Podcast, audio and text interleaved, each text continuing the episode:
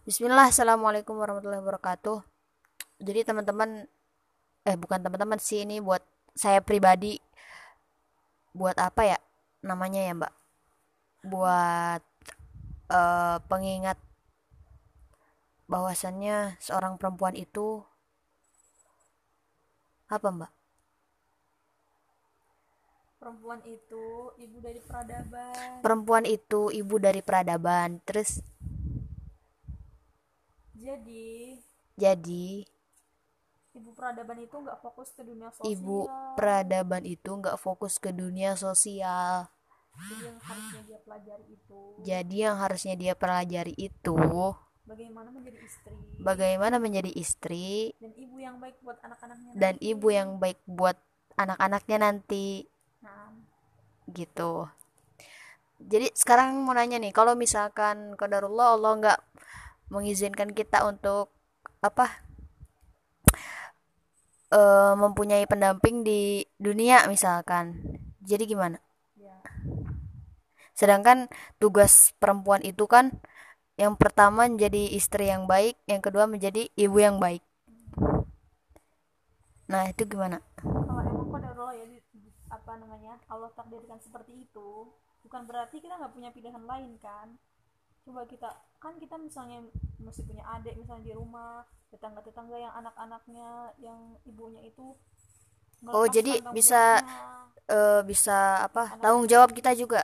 iyalah Mm-mm, tanggung jawab kita juga gitu kan bisa kita jadi pendidikan mm-mm. jadi menjadi ibu peradaban itu nggak harus kita apa namanya emang harus diawali dengan dari keluarga kita kan Mm-mm. tapi kalau misalnya pun dia belum menikah atau misalkan Allah takdirkan lain jadi Mm-mm. bisa juga dia bergerak di bidang pendidikan misalnya jadi guru yang mengajarkan ke anak-anaknya gimana sih Islam itu gimana sih harusnya dia so- sebagai seorang muslim kayak gitu Mm-mm. Tapi jadinya banyakin ilmu tetap diamalin ya walaupun nanti misalkan Allah nggak ngizinin kita buat punya pendamping atau punya anak di dunia gitu kan intinya. Kayak gitu Jadi di pengamalan tetap ya. Jadi yang namanya ilmu ya terus eh, harus terus diamalin kan. ya ilmu itu harus tetap diamalkan ya bahkan ya hmm, yang paling sebenarnya yang hisabnya paling berat itu salah satunya itu kan seorang seorang penuntut ilmu kan? Karena dia itu akan ditanyakan kan? Mm-mm, ilmunya itu akan eh, dia amalin apa enggak kayak gitu. Mm-mm. jadi kalau ketika, ketika dia tahu ilmunya sebenarnya ini berat banget anak ngomongnya kalau dia nggak ngamalin itu bakalan dilempar ke neraka kan Mm-mm.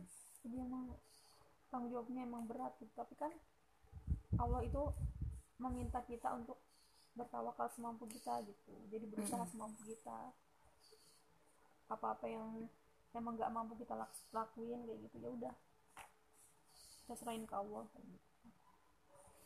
Jadi tetap berusaha dan nggak berpikir buat nggak tahu gitu ya. Maksudnya kan orang kadang suka milih gini ya. Eh apa? Ya udahlah mending nggak tahu, nggak dosa. Kalau nggak tahu, kalau tahu malah dosa.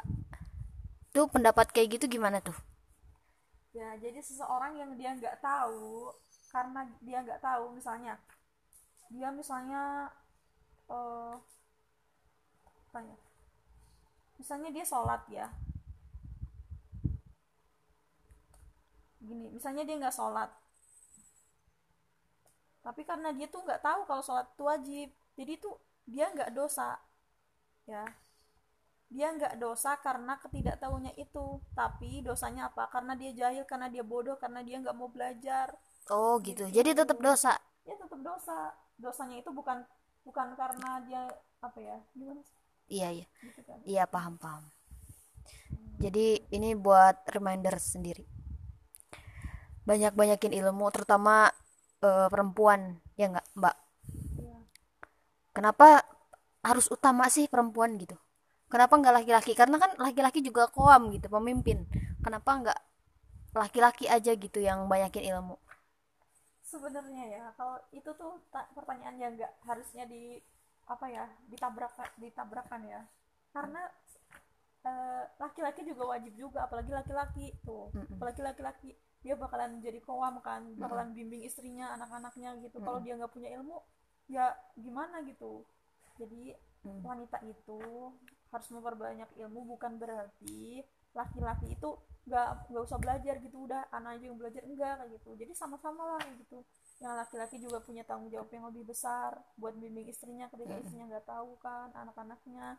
Dan wanita juga dia punya tanggung jawab yang masya allah juga luar biasa gitu di generasi istri apa namanya anak-anaknya kenapa dia punya tanggung jawab apa tanggung jawab di generasi itu sebenarnya di, lebih berat dibebankan kepada seorang wanita mm-hmm. karena dia yang melahirkan kan mm-hmm. otomatis dia yang apa ya tali batinnya itu lebih kuat ke anak-anaknya mm-hmm. gitu kan dan tugas seorang wanita tuh mendidik generasi itu emang fitrahnya gitu. Karena wanita itu kan Allah karuniakan kalau misalnya ini fitrahnya uh, apa ya masih murni gitu. Mm.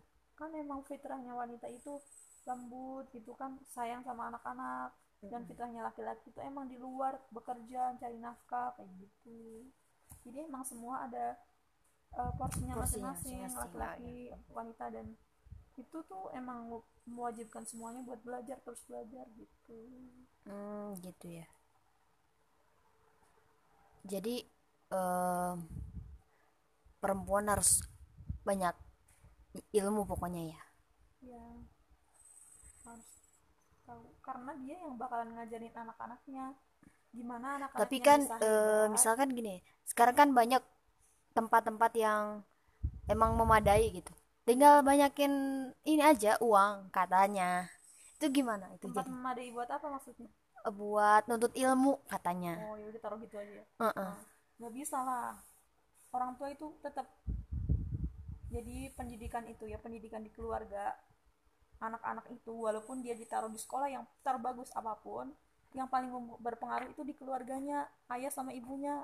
Jadi nggak bisa lah kalau misalnya eh ada sekolah bagus udahlah uh, ditaruh di situ aja. Nggak bisa nah kan orang tua modern sekarang tuh kayak gitu gitu nah makanya kita kan pentingnya tua.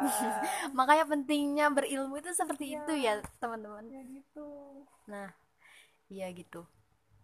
Jadi paham ya sin? Paham ya sin? Paham ya teman-teman?